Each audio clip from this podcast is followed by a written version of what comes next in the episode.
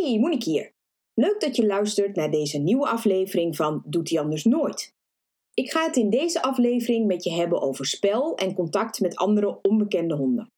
Het leidt vaak tot veel vragen en opmerkingen en het blijkt in de praktijk dat er heel veel misverstanden over zijn. Wat is nu eigenlijk spel? Wat is het niet? En waar herken je het nu eigenlijk aan? En in de vraag van de week beantwoord ik de vraag van Hanneke. Die wil weten wat ik vind van de Gentle Leader. Shh, Griffin. Ik ben aan het opnemen. Doet hij anders nooit. Herken je dit? Dat je dit zegt of denkt op het moment dat je hond iets doet? En kun je hem ook wel eens achter het behang plakken? Ben je dol op hem, maar word je ook wel eens een beetje gek van wat hij soms kan doen? In deze podcast Doet hij anders nooit vertel ik elke week waarom je hond dat doet, hoe dat komt dat hij het blijft doen, of misschien ook wel niet, en natuurlijk wat je eraan zou kunnen doen. Ik ben Monique Bladder, gedragstherapeut voor honden. En net als jij heb ik zeker niet de perfecte honden, maar wel de allerleukste. Ondanks dat ze soms dingen doen die ze anders nooit zouden doen. In deze aflevering zal ik je meer vertellen over het probleem dat Chantal had met haar Golden Retriever Travis. Hij was twee jaar oud toen Chantal contact met mij zocht. Travis blafte en trok aan de lijn als hij een andere hond op straat tegenkwam. Er was nog nooit echt iets vervelends gebeurd, als in een gevecht of iets dergelijks, maar ze vond het wel super vervelend dat hij dat deed. Want haar dochter van 14 jaar durfde ze bijvoorbeeld niet met Travis op pad te sturen, omdat ze bang was dat zij Travis niet goed zou kunnen houden als er een andere hond kwam. Een van de dingen die Chantal niet zo goed begreep, is waarom Travis toch zo blafte en tekeer ging bij het zien van een andere hond.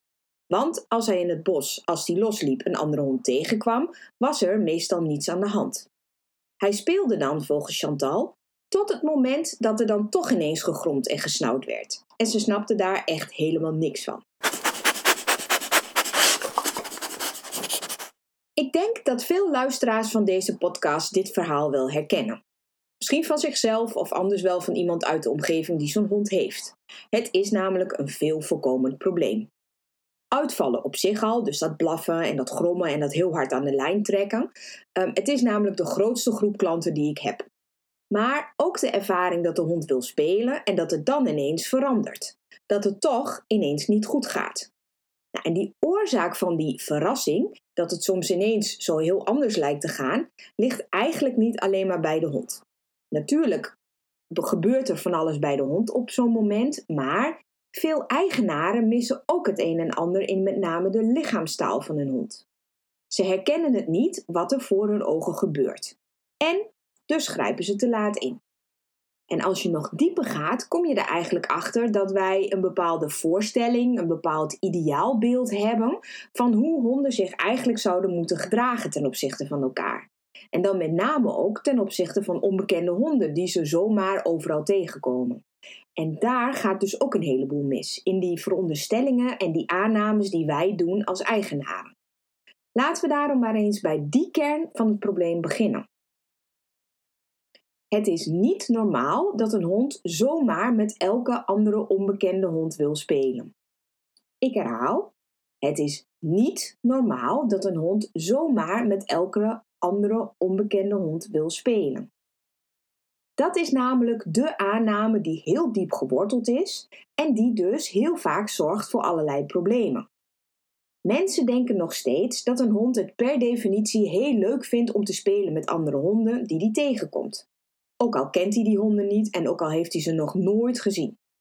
En misschien is het voor jou zelfs, zoals het voor heel veel andere eigenaren zo is, ooit de reden geweest om naar een hondenschool te gaan. Of om met je hond naar het bos te gaan, of naar het park, of naar het strand. Omdat je denkt dat je daar je hond zo leuk kunt laten spelen met andere honden. Of dat je denkt dat je hem op die moment, op, dat, op die manier socialiseert met andere honden. En dat is heel erg jammer, want die aanname kan zorgen voor een heleboel problemen. Oh, en laat ik even heel duidelijk zijn: ik heb helemaal niets tegen spel op de hondenschool. Maar dan moet het wel goed gebeuren. En goed is in mijn ogen niet alle honden, laten we zeggen een stuk of vijf, zes, en soms zijn het er meer, op een veld maar losgooien en zelf koffie gaan drinken. Of honden van verschillende groottes, leeftijden, spelstijlen, daar kom ik straks nog even op, zonder de juiste begeleiding maar losgooien. daar is al een heleboel ellende van gekomen. En die ellende begint dus met de aanname dat het maar normaal is dat je hond alle andere honden die die tegenkomt als zijn beste vriend ziet. Dat is niet normaal. Spel is iets dat heel intiem is. Je hond moet zich kwetsbaar opstellen ten opzichte van de andere hond. Hij moet hem daarvoor kunnen vertrouwen en dat valt nog niet mee met iemand die helemaal onbekend voor je is. Je zou het zelfs een tikkeltje naïef kunnen noemen als je ervan uitgaat dat je iedereen die je op straat tegenkomt zodanig kunt vertrouwen dat je je er kwetsbaar bij opstelt. Ik vergelijk het nog wel eens met een robbertje stoeien.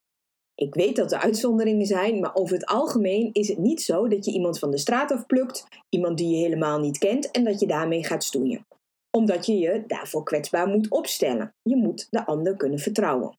En dat is dus ook zo voor je hond. Dat betekent, dat betekent overigens niet dat het tegenovergestelde, namelijk bij wijze van spreken proberen elke hond die je tegenkomt de kop proberen af te bijten, dat dat logisch is. Dat zeg ik zeker niet.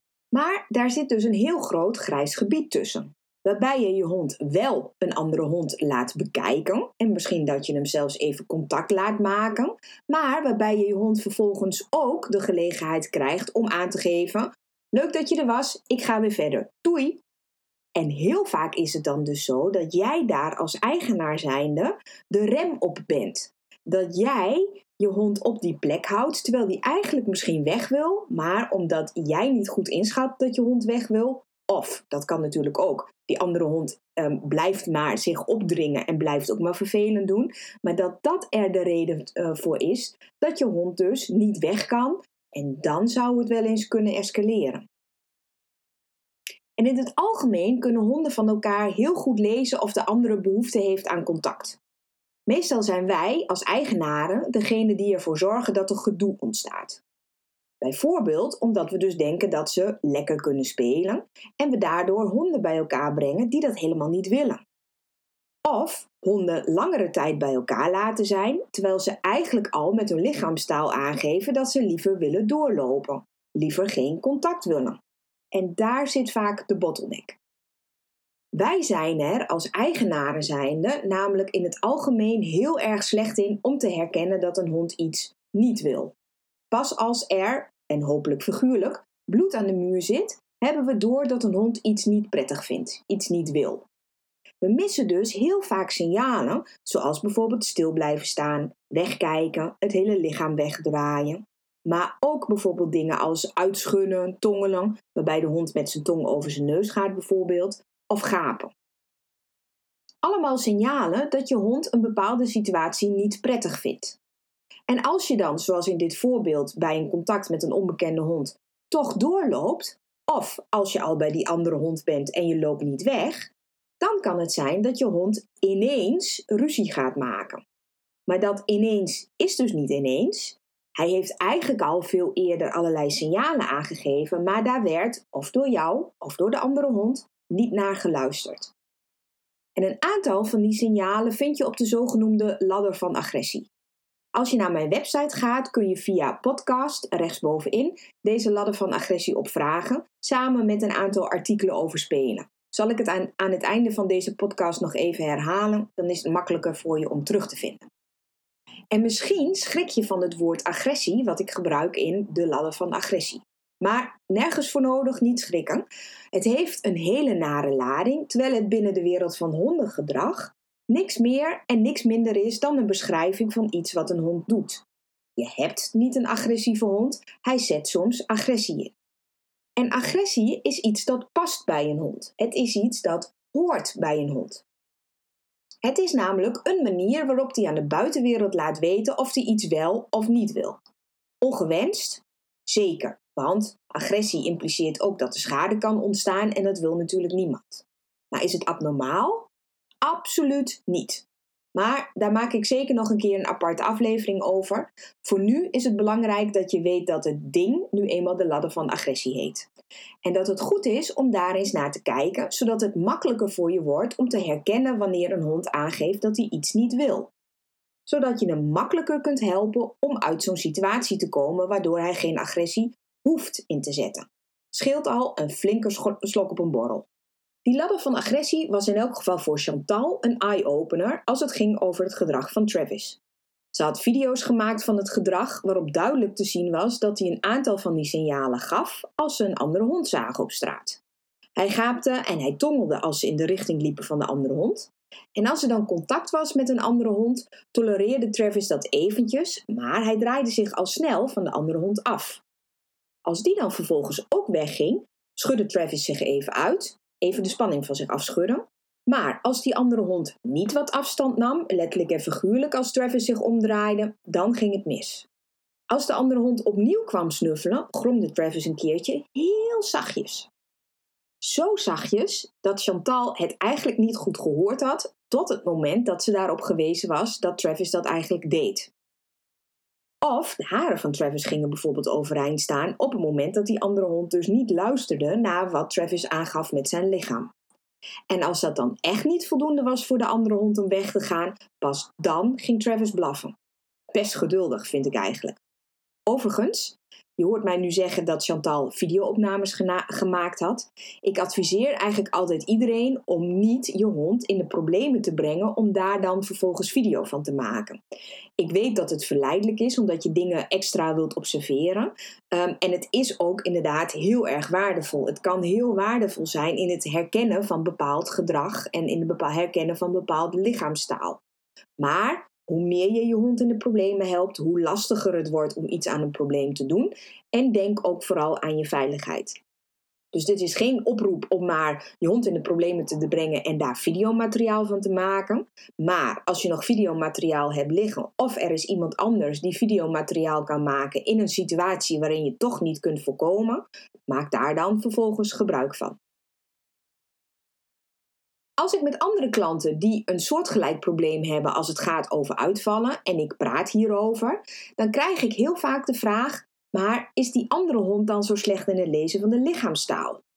En ik weet het natuurlijk niet, hè, want ik kan het ze niet vragen. Maar ik denk eerlijk gezegd dat er, net als bij mensen, honden zijn die denken: leuk wat jij wilt, maar ik wil iets anders. En dus wel de hondentaal herkennen, maar toch datgene doen wat hij zelf wil. Namelijk toch dat er contact proberen erdoor te drukken. En ik denk dat dat net zo is als bij mensen. Dat het feit dat de andere partij iets zegt, niet per definitie wil zeggen dat er ook naar geluisterd wordt. Na verloop van tijd was er iets bijgekomen in het repertoire van Travis. Het begon steeds vaker voor te komen dat als Chantal en Travis een andere hond tegenkwamen, dat hij dan al op grote afstand op de grond ging liggen. Bij wijze van spreken met geen stok meer verder te krijgen.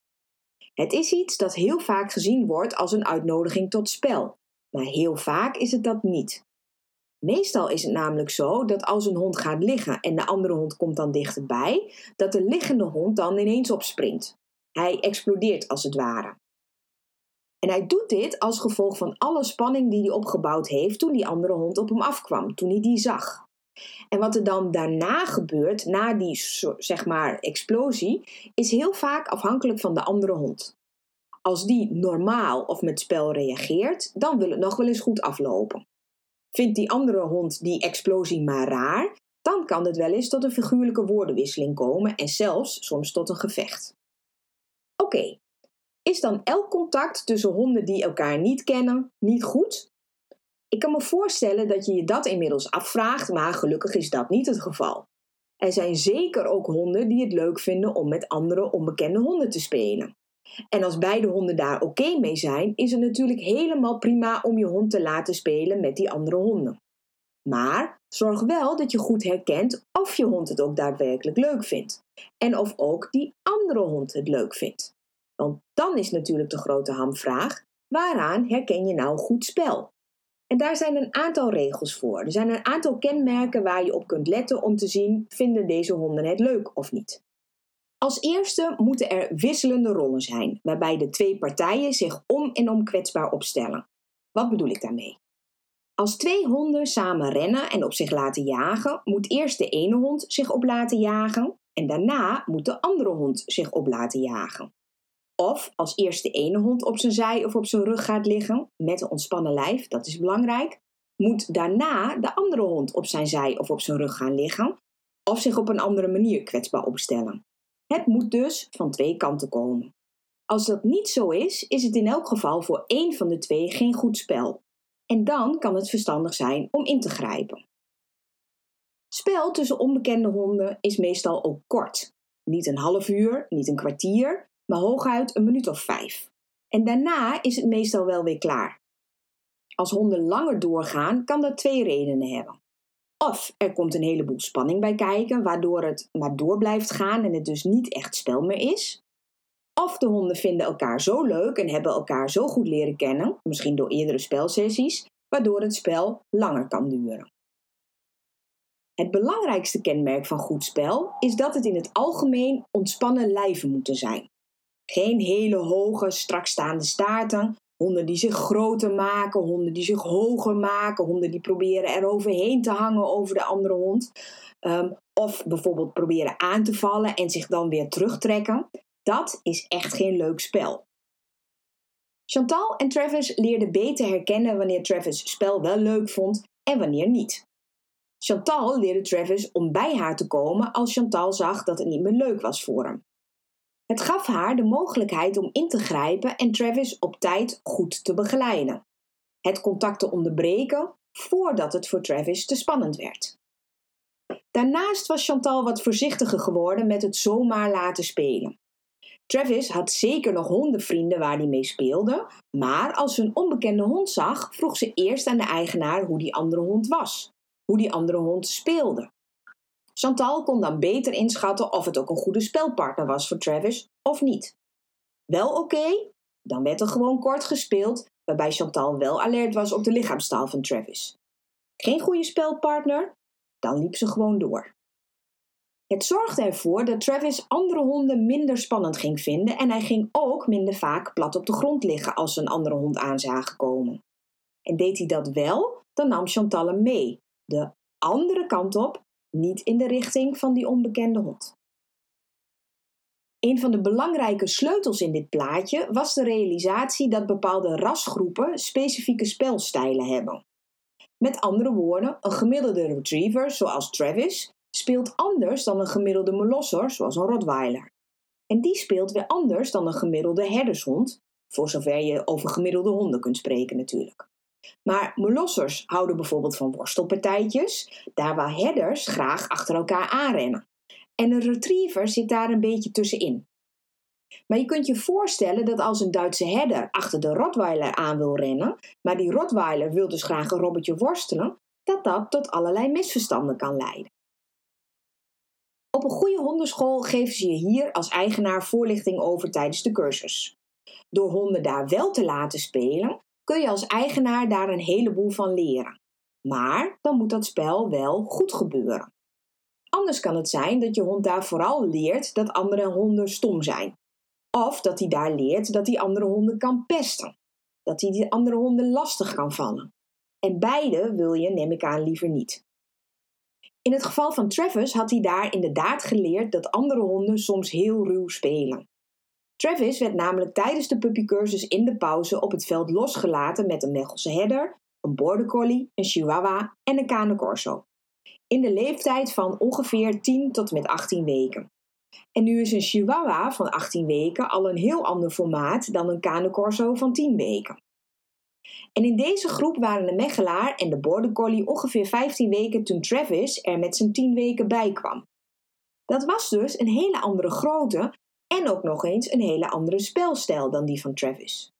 En die Mechelaar en die Border bedoelden het goed, maar het leidde wel tot enige ongerustheid bij Travis ten aanzien van andere onbekende honden. De ene spelstijl is zeker niet beter dan de ander, maar omdat het anders is, kan het dus leiden tot miscommunicatie. En honden moeten dat van elkaar leren herkennen en daarmee om leren gaan. Wanneer laat je je hond dan wel spelen? Op de hondenschool of misschien ook gewoon als jij andere honden tegenkomt op straat. Nou ja, straat is denk ik niet het meest handige, maar in het park of in het bos of op het strand. Naar mijn idee kun je het beste honden met elkaar laten spelen als er met drie honden tegelijkertijd wordt gespeeld. Die honden hebben dan het liefst dezelfde speelstijl, zeker hè, in het begin als we het hebben over puppies.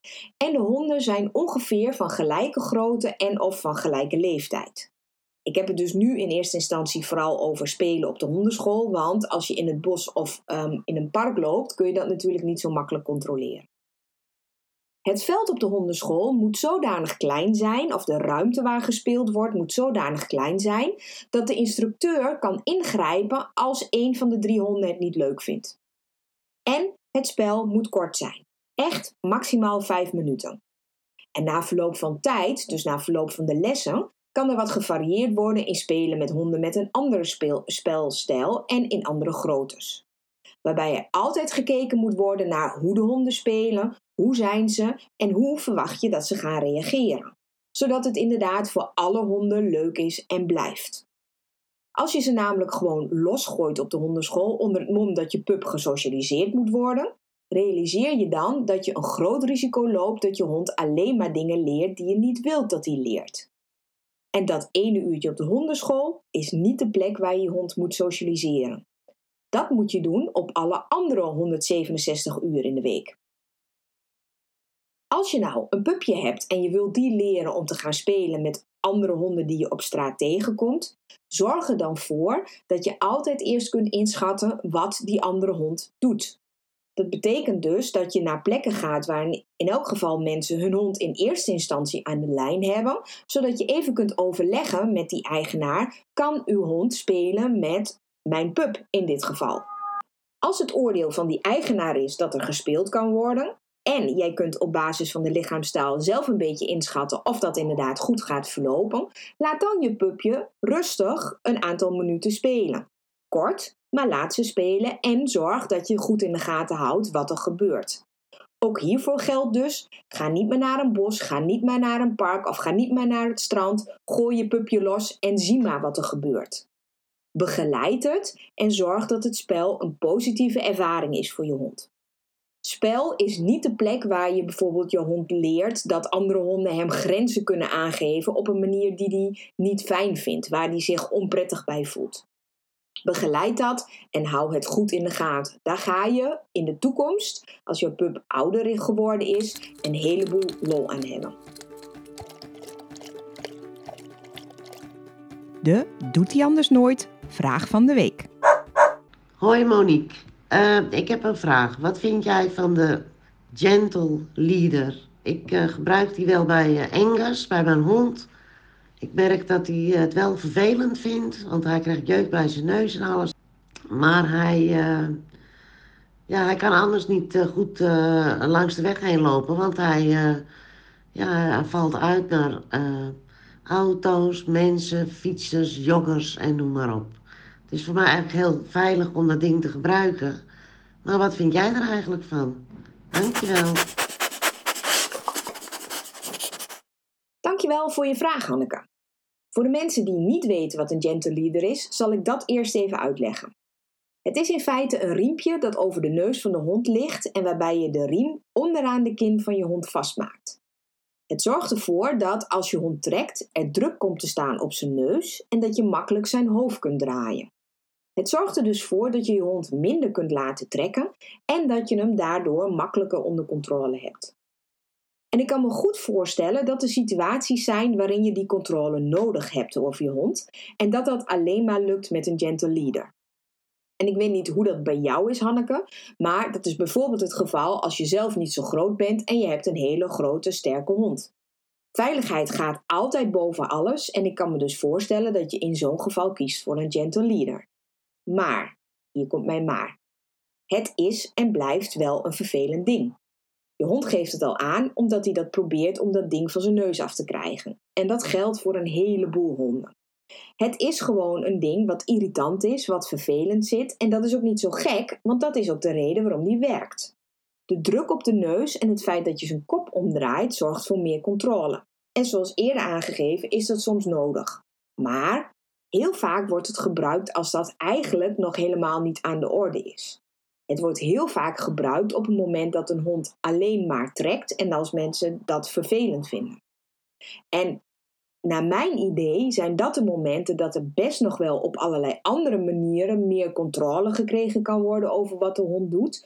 Um, en kun je ook met behulp van training heel vaak nog meer. En je zou in zo'n geval prima kunnen werken met een tuigje of misschien met een gewone halsband. Of misschien helpt het al een heel stuk als je bijvoorbeeld je hond op een andere plek gaat uitlaten. Of misschien kun je je hond afleiden met voer. Of misschien kun je hem belonen met voer. Of misschien kun je hem afleiden met spel. Of, nog beter, ga werken aan die onderliggende emotie waardoor de hond doet wat hij doet, wat jij vervelend vindt. Bovendien loop je met een gentle leader een groter risico op schade aan de nek. Als je aan die gentle leader trekt, komt er een hele harde klap in de nek van de hond. Dus als je al een gentle leader gebruikt, moet je daar dus nooit aan trekken. Geef daar nooit een ruk aan. Leid je hond dan aan de gentle leader weg, maar trek er niet aan. En als ik dat vertel, kun je denk ik ook wel bedenken dat het erg onverstandig is om de gentle leader te combineren met een rollijn, een flexielijn. Ik zeg hierbij zeker niet dat jij dat doet hoor Hanneke, maar ik wil er in het algemeen even voor waarschuwen.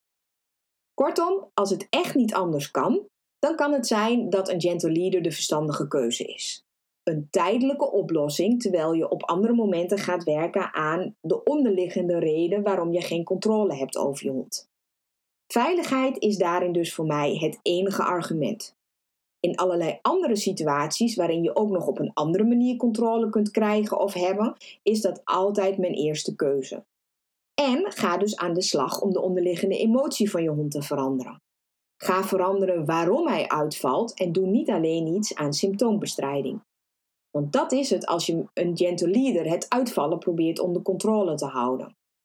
Dat is mooi dat je dan minder uitvallen hebt misschien, of dat je in elk geval ervoor kunt zorgen dat er geen ongelukken gebeuren. Altijd belangrijk, maar je doet nog niks aan de onderliggende ongerustheid of misschien boosheid die onder dat uitvallen ligt. In deze aflevering heb ik je uitleg gegeven over spel met onbekende honden. Dat dat niet zo normaal is als je misschien zou denken. En ik heb je bovendien verteld hoe je goed spel kunt herkennen en onder welke voorwaarden je honden met elkaar kunt laten spelen. Heb je aan de hand van de vraag van de week ontdekt dat het misschien verstandig is om aan de slag te gaan met het uitvalgedrag van je hond? Dan verwijs ik je graag naar mijn website. Op moniquebladder.nl slash podcast ga je naar aflevering 6. Daar vind je aanwijzingen om 25% korting te krijgen op mijn cursus Help je uitvallende hond. En dat is ook de plek waar je je kunt opgeven zodat je de ladder van agressie krijgt en nog een aantal artikelen over spel. Bedankt dat je hebt geluisterd naar Doet hij anders nooit. Ik hoop dat ik jou en je hond wat verder heb geholpen. Wil je geen enkele Doet hij anders nooit missen? Abonneer je dan op mijn podcast en nog beter, laat een review achter. Zou ik super blij mee zijn. Wil je dat ik jouw vraag ook beantwoord in deze podcast? Mail dan naar contact@moniquebladder.nl. Tot volgende week.